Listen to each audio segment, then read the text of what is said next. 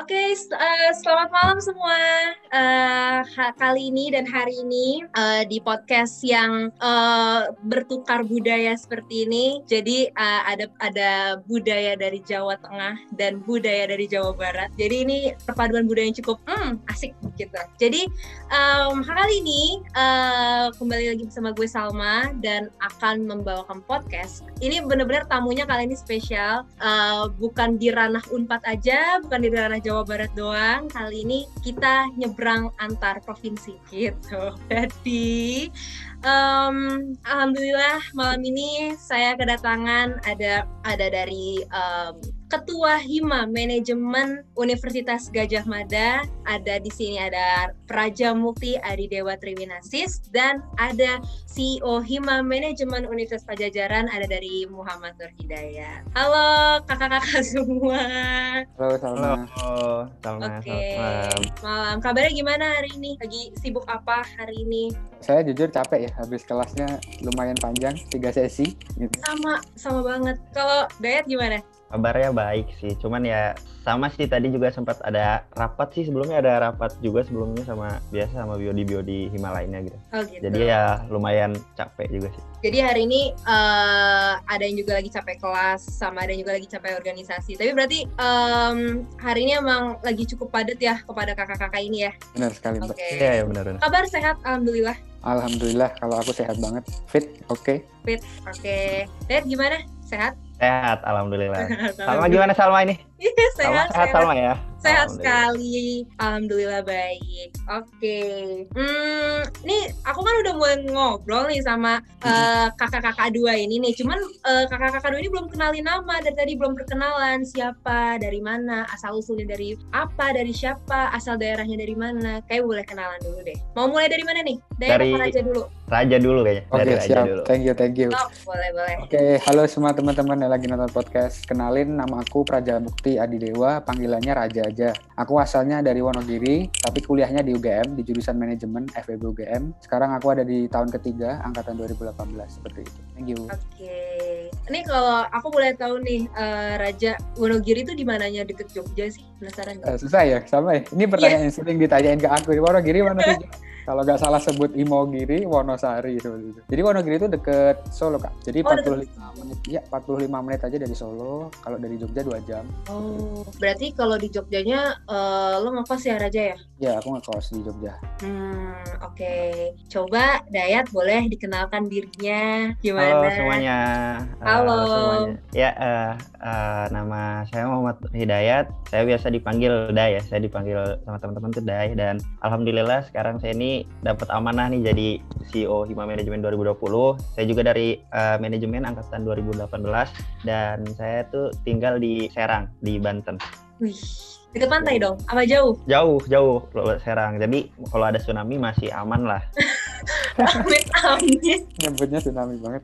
Ya, jadi aman ya, aman. Aman, aman, aman. Karena uh, gue tuh juga cukup sering bolak-balik daerah Serang juga, Dai. Karena kan ada ada yang pesantren di situ kan, daerah-daerah situ. Jadi kayak oh. cukup tau lah daerah Banten dan seisinya. Yeah. Gitu. Oke, sip. Uh, ini kan sebelum sebelum banget nih, sebelum memulai obrolan, uh, apa? Gue udah mulai, gue udah cari tahu dulu uh, latar belakang nih Dayat gimana, Raja gimana segala macam. Kita cari dulu kulik-kulik IG-nya kayak apa. Ini yang Wah. bikin gue tertarik adalah Raja uh, maaf banget nih IG lo isinya bagus banget pitch-nya. Thank you, thank you. Putih gitu. Iya, bener banget. Kenapa Dai? Kalau lo gimana? Kenapa feeds Instagramnya? Kalau kalau kalau gue sih kayaknya nggak nggak itu ya, nggak terkonsep kayak gitu sih. Oh, kayak, gitu. Ya, kalau post ya post aja nggak sih? Kayaknya rata-rata semua orang kalau post post aja. Kayaknya emang cuma raja sih ya. itu ada ceritanya sebenarnya ya kenapa aku pilih. Oh, gitu. gitu. Coba, boleh nggak diceritain kenapanya tuh? Boleh banget, boleh banget. Jadi jadi aku tuh uh, secara sejak terlahir ini kebetulan buta warna seperti itu kan. Cuman aku punya hobinya fotografi Nah karena aku tuh kan bedain warna agak susah ya, terutama hijau sama kuning gitu. Jadi aku bener-bener fokus fotoku tuh cuma warna hitam dan putih kayak gitu. Tapi bukan berarti kayak hitam putih, kayak tetap kelihatan kan kadang warnanya nggak bener-bener hitam putih, cuma putih ya kesannya. Oh gitu asal usulnya. Ya nanti kapan-kapan mau ah fans Instagramnya juga sebagus Raja. Soalnya bagus banget kayak white gitu semuanya. Thank you, thank you.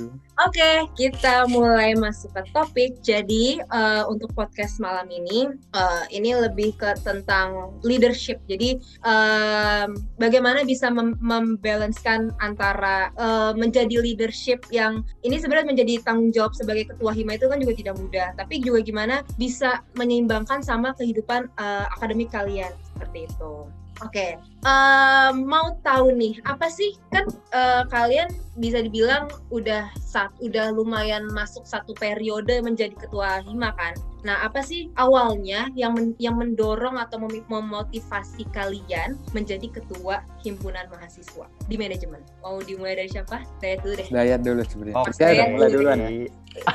Oke oke oke. Ini kayaknya asik sih pertanyaannya juga seru banget nih kalau dijawab. Uh, apa ya yang ngebuat kayak pertama kali gue pengen banget tuh jadi ketua himpunan uh, tentunya kayak relasi sih kayak relasi karena sebelumnya kan kebetulan gue juga di dapet tuh jadi manajer di public relation di Hima kan sebelum akhirnya naik jadi uh, CEO ini kayak itu tuh udah gue ngerasa kayak relasi gue banyak banget nih relasi gue dan kayaknya kalau misalnya relasi gue terputus sampai di tahun itu aja sayang banget. Nah akhirnya gue mikir kayak kayaknya jadi CEO tuh uh, salah satu jalan ya salah satu jalan buat ngebuka relasi kita sama alumni-alumni sama uh, prodi. Pokoknya sama alumni yang emang udah karirnya bagus kayak dia jadi uh, founder sampingan terus dia juga ada yang di Grab ada yang di Tokped. Itu itu seneng banget sih gue makanya kayak akhirnya gue memutuskan untuk jadi uh, CEO terus juga kayak selain uh, relasi itu kayak ada kebanggaan tersendiri ya. Kayaknya semua tuh kayaknya bakal ngerasain sih kayak ada kebanggaan sendiri. Kayaknya kita tuh uh, bisa berani gitu. Dan akhirnya kita pengen gitu mimpin ya mimpin teman-teman kita gitu supaya mereka juga jadi pemimpin kayak gitu. Makanya itu sih lebih ke relasi sama akhirnya manfaat sih pengembangan skillnya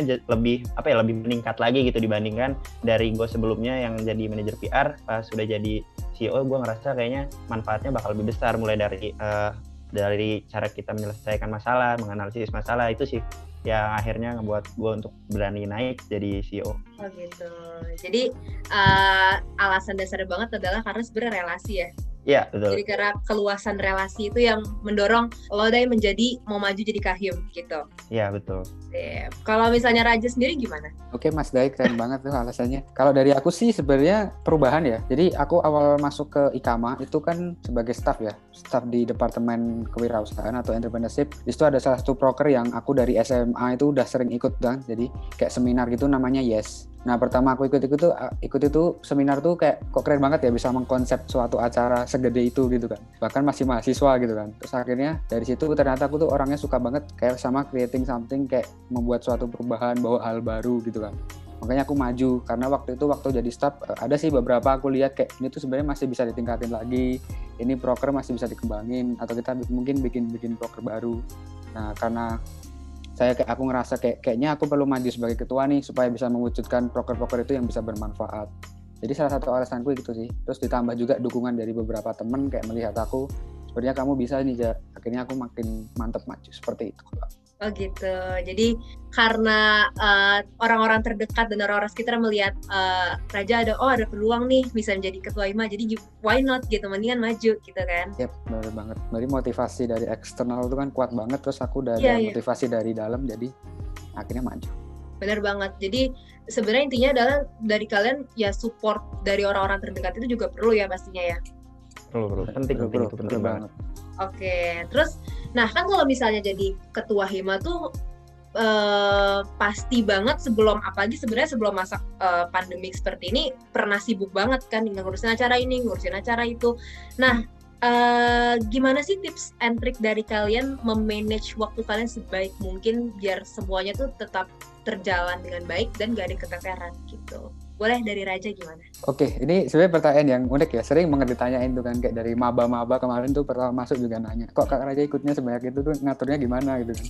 sebenarnya aku bukan aku nggak menganggap ini sebagai sebuah hal kayak misalnya tanya ya time managementnya seperti apa aku nggak menganggap ini sebagai time management tapi aku lebih menganggap ini sebagai time allocation jadi dalam arti kayak ya ketika aku dari awal maju dulu aku udah ngira-ngira nih pasti jamku kemakan banyak pasti ada rapat pasti ada kumpul pasti ada datengin departemen gitu kan mereka rapat didatengin. Ya salah satu caranya aku atur ulang alokasi waktunya. Oke misal kuliah jam 7 berarti sampai jam 12 kuliah tuh ada sisa. Berarti bisa main lah main bentar sama temen. Habis itu sorenya kuliah lagi malamnya rapat.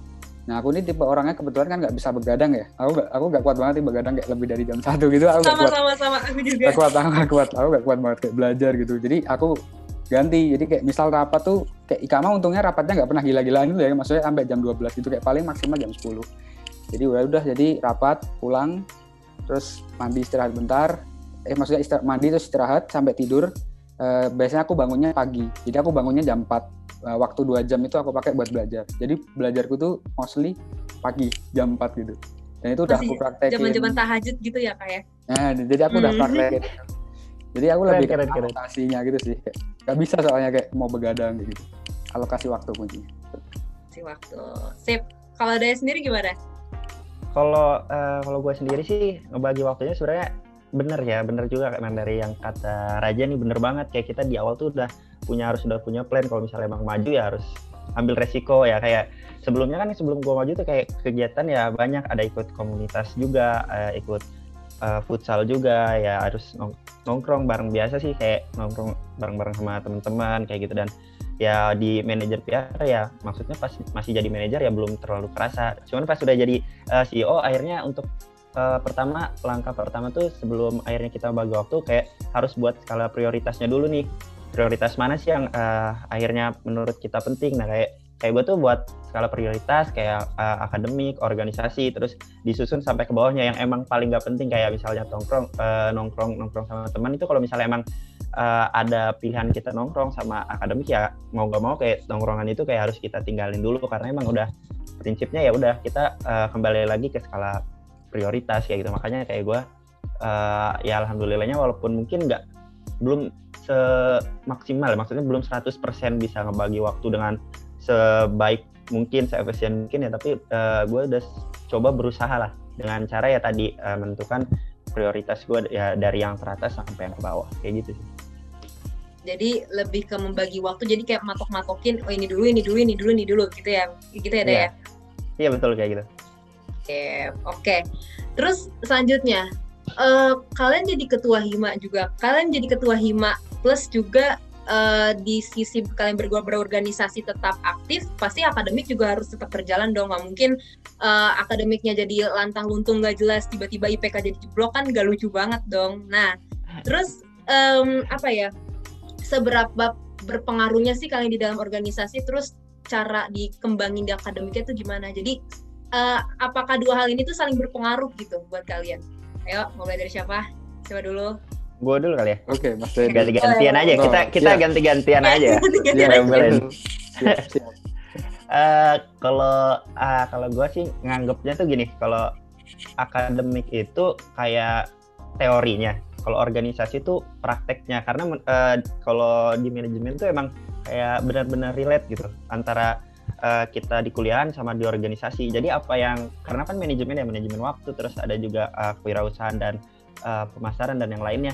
Nah itu tuh apa yang kita pelajarin di kuliah itu teori. Terus ya akhirnya gue ngerasa uh, organisasi ini prakteknya makanya kayak kita harus ngejalaninnya juga dari gue sendiri ngejalaninnya kayak ya udah itu bagian dari uh, salah satu praktek gue untuk menerapkan teori-teori uh, itu makanya akhirnya ketika uh, ada misalnya di perkuliahan teori itu kita ada yang nggak dapat terkadang di organisasi itu jadi pelengkapnya gitu. Bahkan di organisasi bisa dapat teori sekaligus prakteknya gitu. Makanya kayak menurut gue uh, organisasi sama akademik ini yang berhubungan yang emang kalian tuh harus dapetin gitu di masa perkuliahan. Karena emang benar-benar ngaruh banget lah buat uh, kehidupan kalian gitu. Kalau misal kalian belajar teori aja, menurut gue juga uh, belum cukup. Kadang ada orang yang pinter banget IPK-nya sampai 4 tapi dia organisasinya kurang ya. Nah, alhasil nggak jadi apa-apa yeah, gitu kan, yeah. ya kan. Bener, Dan bener, kadang ada yang emang dia organisasinya bagus tapi IPK-nya kurang juga nggak terlalu bagus gitu ya. Kalau bisa ya balance sih, karena pokoknya kalau bisa uh, kita tuh nganggap organisasi itu prakteknya perkuliahan itu teorinya kayak gitu sih kalau gue oke sip jadi kayak istilahnya kalau di kita tuh ya deh kalau di manajemen 4 uh, organisasi itu kayak praktikumnya ya berarti Iya, iya betul nah. praktikum dari, dari pelajaran yang kita dapat iya. Gitu. di aplikasinya seperti itu kalau misalnya Raja sendiri gimana Aku setuju banget uh, Mas Dayat, bener banget. Jadi gimana sih caranya organisasi itu emang serilet apa sama akademik? Memang emangnya organisasi bisa menyumbang sesuatu kah akademik? Jawabannya iya. Karena mungkin bener kalau misal di manajemen kan kita belajar human resource, terus kita belajar leadership, teori kayak gitu kan. Tapi untuk memberanikan diri kita mengaplikasikan teori itu tuh perlu organisasi. Dalam artian kayak, oke okay, kita di kelas belajar teori, tapi kita di organisasinya belajar ngomong oke kita di kelasnya belajar teori leadership gini-gini teori of needs dan sebagainya tapi kita di organisasinya mencoba emang bisa teori itu di-apply itu beneran atau enggak? Contohnya misal kita bikin KPI buat Ikama waktu itu itu kita juga benar-benar bikin kayak KPI-nya tuh lihat ke buku juga.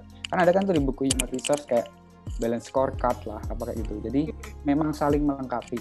Terus yang kedua memang di kelas kadang kayak dosen kan nanya nih pengalaman kalian memang misal kelas leadership gitu kan. Kalian ada nggak sih pengalaman manajer organisasi biasanya kalau gitu kita di, di, diberi kesempatan buat ngomong di kelas. Jadi itu juga memberikan nilai tambah kan kalau kita aktif di kelas. Jadi satu sama lain tuh sebenarnya saling melengkapi. Dan bisa bisa kok dua-duanya. Leadership bagus IPK bagus tuh bisa. Kalau udah ketemu kuncinya. Itu sip. Oke. Nah Oh ya, balik lagi seperti tadi tema yang udah gue omongin sebelumnya bahwa kita akan ngomong juga tentang soal leadership ngomongin soal leadership, kalian merasa gaya kepemimpinan kalian tuh kalau misalnya lagi memimpin uh, himpunan mahasiswa itu seperti apa sih? Kayak gimana sih cara, bukan cara, kalian merasanya gimana sih gaya kepemimpinan gue tuh? Gitu. Coba kayak boleh deh mulai dari Raja gimana? Kalau aku mendefinisikan diriku lebih ke arah profesional dan pendampingan sih, seperti itu. Jadi aku um, pengen banget eh, anak-anak uh, yang masuk di IKAMA itu dapat ilmu-ilmu yang nggak cuman ilmu-ilmu kayak basic-basic kayak misal communication, tapi aku pengen mereka dapat juga kayak problem solving, gimana sih problem solving yang ada step-stepnya, gimana sih problem solving yang ada teorinya. Misal kayak event kita nyari sponsor, kayak kita nggak cuman communication kan, kita kayak butuh market analisisnya. Juga kita cek apa perusahaan ini mungkin nggak sih ngasih sponsor, kita research di internet, kita buka websitenya, jadi kayak aku pengen dapat situ kayak ke arah profesional tapi di saat yang sama aku juga pendampingan kayak aku nggak mau menciptakan ibaratnya terlalu organisasi yang terlalu ngebosi lah ibaratnya ya. Bukan hmm. sebuah leader tapi seorang bos. Gimana caranya kita dampingin? Oh kita ajarin deh dari gini. Jadi dari awal tuh udah tak siap nih kayak belum maju tuh kan bikin green design dulu ya. Green iya, design yeah, kayak gini kayak gini. Jadi ntar itu aku praktekin dengan cara aku terjun langsung. Mampir ke organisasinya mereka rapat beli makanan kayak gitu dulu sebelum itu. Sekarang pandemi nggak bisa. Ya sekarang pandemi jadi ribet ya Raja ya? Nah, susah banget. Susah banget. hadiah paket mahal gue. Nah, betul betul betul. Mana ada biaya-biaya tambahan lagi selain abang-abang gojek gitu uh, kan? Pemasukan sulit ya. Iya udah pemasukan sulit, sulit pengeluarannya lancar banget. Waduh parah. Nah, itu. Parah itu. Oke itu dari aku. Jadi sebenarnya uh, Raja juga jadi lebih merang, merangkul anggota-anggota yang lain juga ya. jadi mem membuat mereka merasa seperti jadi kayak teman semuanya gitu. Ya benar banget. Karena memang sebagai mahasiswa nih ya jujur kayak menerapkan profesional 100% tuh belum bisa. Kayak suatu organisasi misal kalau kita besok kerja misal kita bawa kesalahan mungkin langsung ditegur seperti itu. Di perusahaan besok. Tapi kalau di organisasi kalau kita seperti itu itu tuh nggak bisa. Pasti kita jadi bahan omongan orang bener banget. jadi gitu Oke oke, sip. Kalau misalnya Dayat gimana Day? Kayak kepemimpinannya kayak uh, Kalau gue sih benar ya tadi setuju banget. Kalau gue sih sebenarnya kayak bener banget sih kayak raja kayak uh, karena gue ngerasa kayak uh, kalau kepemimpinan gue ya gue tuh uh, ngebawanya kayak emang harus ya profesional ya. Terus juga kayak emang harus ada pengembangan karena mungkin setiap pemimpin pasti uh, ada ya uh, dia tuh terdapat tujuannya buat ngembangin yang namanya staff-staffnya ke bawah-bawahnya tuh pengen ada pengembangan cuman kalau yang terpenting yang buat gue juga uh, di sini tuh gue lebih uh, ke arah profesional. Terus juga gue kayak uh, pemimpinan gue tuh kayak bawahan gue itu bukan uh, bawahan tapi bawahan gue juga pemimpin. Jadi kayak gue tuh uh, apa ya nggak mau yang dilihat bener tadi nggak yang mau dilihat ya ya kayak memimpin lah. Maksudnya terlalu apa ya istilahnya membos jadi jadi bos lah ya. Terlalu uh, ngatur gitu. Nah gue tuh pengen kayak bawahan juga uh, jadi pemimpin. Jadi kayak gue tuh memimpin uh, bawaan untuk jadi pemimpin supaya mereka juga sama-sama lah kita jalan berdampingan sama-sama maju kayak gitu. Supaya ke depannya juga mereka ya bahkan bisa lebih dari gua gitu. Mungkin uh, yang tadinya manajer gitu tiba-tiba jadi ketua bem ya kan bahkan lebihin gua gitu. Gue pengennya kayak gitu. Kalau yang uh, gua bawa ya jadi benar kekeluargaan juga termasuk salah satunya kayak pemimpinan yang uh, gue bawain di tahun ini. Tapi intinya gue lebih pengen mereka jadi pemimpin gitu. Sip. Jadi sebenarnya yang uh, istilah-istilah yang gue tahu adalah walaupun kalian juga sebenarnya jadi ketua, kalian juga tetap belajarnya tuh juga dari mereka gitu kan. Nah, ya, iya. betul banget. Tapi ini ada satu hal deh, gue penasaran. Sebenarnya ini out of context dari ada pertanyaan-pertanyaan yang udah ada nih. Gue penasaran satu. Ini kan sekarang udah pandemik nih. Kalian uh, jadi ketua hima dan online. Apa-apa semua organisasi jadi online. Uh, project jadi online, proker jadi online yang kalian rasain tuh jadi sekarang apa sih kayak jadi merasa uh, ya udah jalanin aja lah proker gitu ya biar laporan bagus ujung-ujungnya nanti pas di akhir atau uh, ya tetap menjadikan proker ini emang tetap ada value-nya cuman kita ubah nih value-nya karena ngikutin semua kehidupan jadi new normal seperti ini gimana sih menurut kalian karena jadi apa-apa jadi online kayak gini? Monggo. Monggo. Oke, okay. uh, eh, karena kan uh, mungkin cerita sedikit ya. Jadi sebelumnya itu kayak gua gua sama uh, biodi gua mungkin yang udah ngerancang desain dan uh, terkait plan-plan kita tuh nggak pernah expect bakal ada covid ya, bakal ada covid. Akhirnya jadi online tuh benar-benar nggak, wah nggak nyangka banget sih karena kita tuh udah gila da dari dari awal itu kayak kayak gue tuh kayak sama biodi gue udah kayak yang pede banget kayak ngebuat acara sedemikian rupa emang yang di set plannya tuh on uh, offline offline. Jadi kita set plannya offline dan udah punya gambaran nih bakal kayak gini gini gini gini gini. Nah mungkin semenjak adanya covid uh, akhirnya kita harus improve kan. Akhirnya kita improve dan akhirnya uh, realisasinya tuh ada beberapa yang akhirnya emang kita juga nggak bisa jalanin karena emang itu udah set plan di awal itu emang khusus yang offline. Kalau misalnya kita ngadain online nggak mungkin karena emang butuh apa ya kerumunan. Karena kita butuh masa di situ yang memang uh, akan ada di tempat tersebut untuk berkumpul. Uh, akhirnya nggak memungkinkan. Akhirnya ada beberapa yang dibatalin.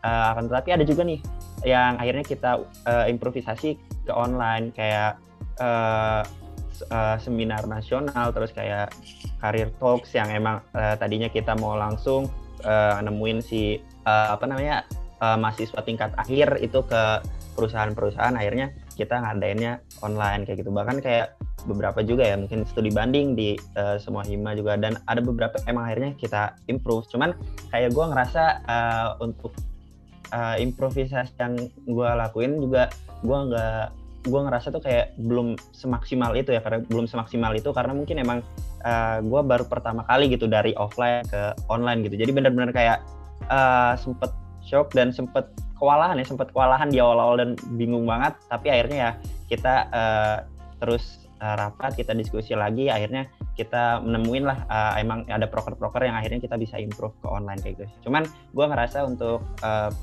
uh, proker-proker yang dijalanin emang jujur uh, belum semaksimal yang dari yang gue harapin pas awal kepengurusan itu. Gitu sih. Pasti banget sih itu dari sumpah Nah, kalau misalnya Raja yeah, sendiri yeah. gimana? Parah banget. Kacau.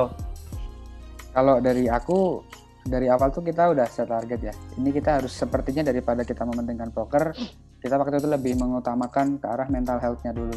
Karena kita yakin nih pandemi pasti bikin kita stres sih, pasti udah nggak ada teman, masa, masa masih ada kerjaan kayak gitu. Bener kita utamakan, banget.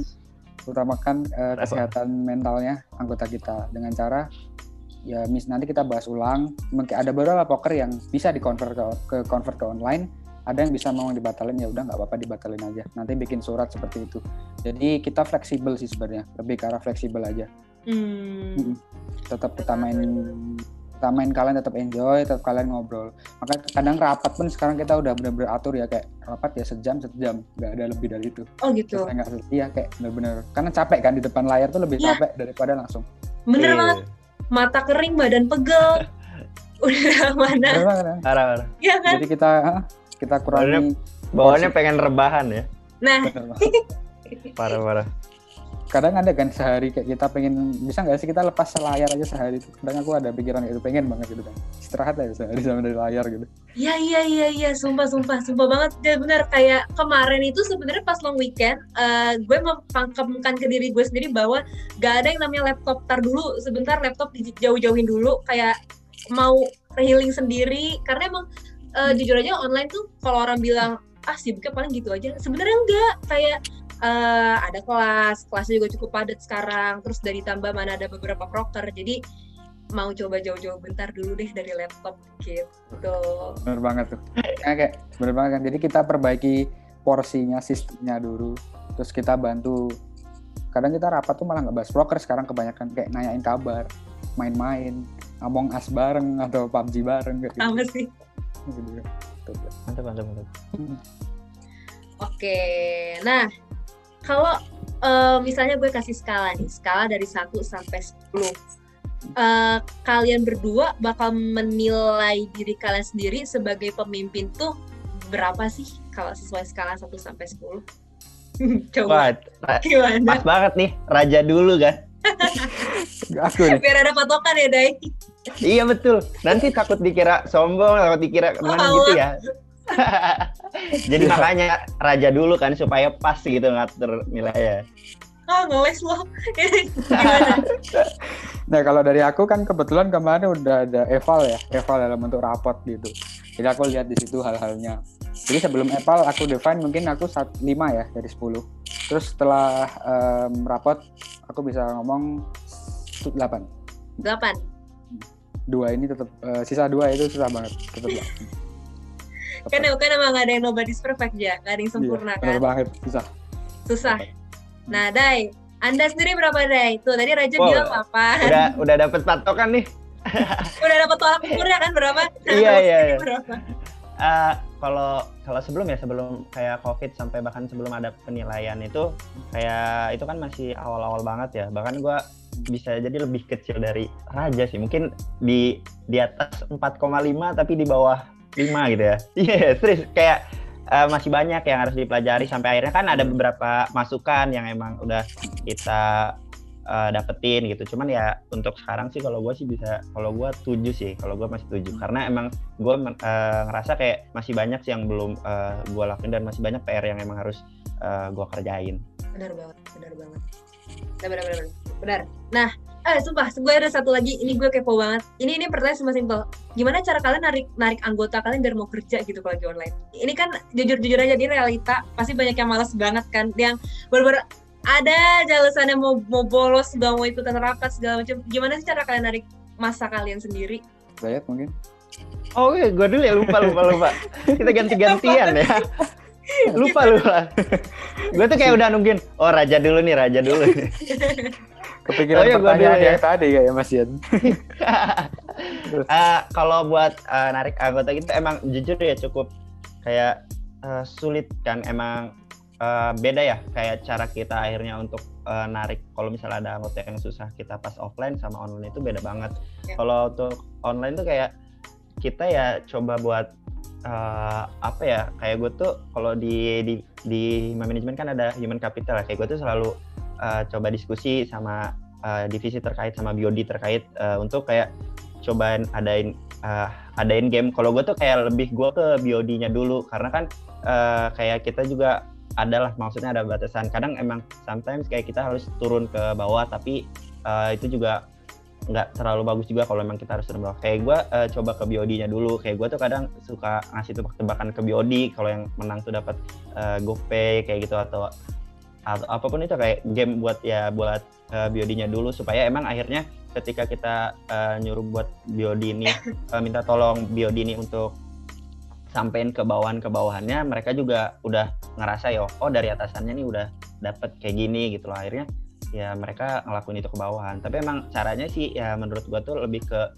uh, pendekatan sih. Kalau misalnya pendekatan-pendekatan kayak personal apalagi ya menurut gua mungkin ya kabar sih. Kayak mulai dari nanyain kabar itu menurut gua penting banget. Kalau misalnya untuk di uh, masa-masa pandemi ini mulai dari kabar terus kayak kita sering apa ya sering main game bareng apalagi kayak kalau misalnya offline kan enak ya kumpul nongkrong ngopi Iya, ya iya, kalau iya. misalnya online ya mau nggak mau eh, apa sih namanya kita harus main game dan menurut gua Among Us tuh emang itu udah solusi terbaik ya sebenarnya itu gua salut banget sama orang yang ciptain Among Us dan ya emang betul, Bermak, kasih ya. ya. Iya, Bro. terima kasih banget buat Among Us karena emang udah berjasa banget gitu loh. Kayak Hmm. walaupun apa ya, kayak ya udah kita tuh suka jadi fitnah-fitnahan, tapi fitnah-fitnahannya tetap aja bercanda gitu loh. Tetap dalam ranah yang bercanda gitu kan, nggak beneran. Dan akhirnya menurut gue itu jadi kayak kita ya akrab kayak yang tadinya gue sama uh, si A itu diem-dieman setelah akhirnya ada game, setelah ada uh, makrab online, sempat ada makrab online dan satu hari bersama Himan tuh kayak ngerasa oh ya udah kayak gue ke dia nih ya udahlah sama aja gitu kayak di luar tuh gue bukan pemimpin lo gitu maksudnya kayak di luar kita nih teman gitu lo punya posisi yang sama ya sebagai mahasiswa tapi kalau misalnya di organisasi kita berusaha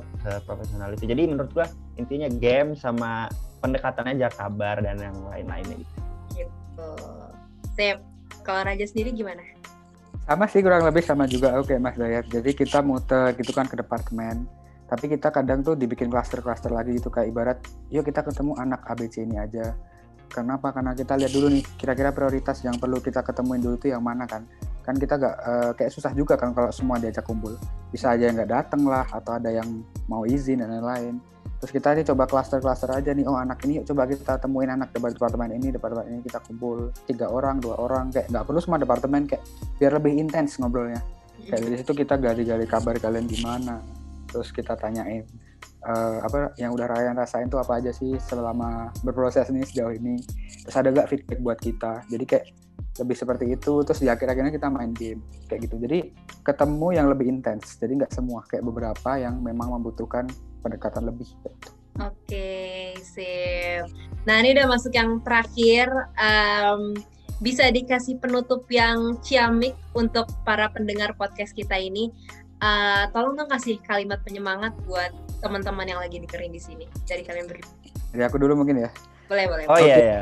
Oke dari kalau dari aku eh, pesan ke semua yang lagi nonton ini entah mahasiswa entah kalian siapa aja memang ya pandemi ini berat banget kalian mungkin akan capek secara mental maupun secara fisik tapi ingat aja kalau kalian bisa aja bertahan ini sampai titik di mana benar-benar pulih nanti setelah pulih itu kalian udah kembali normal kalian merasa kok pribadi kalian tuh sebuah pribadi yang berbeda karena kalian Hmm. berhasil melewati pandemi ini tetap semangat tetap beradaptasi walaupun online tapi kalian masih mau itu akan meningkatkan diri kalian kalian akan menjadi pribadi baru nanti ketika semua ini sudah selesai good luck Kalau misalnya Dayat, ayo apa?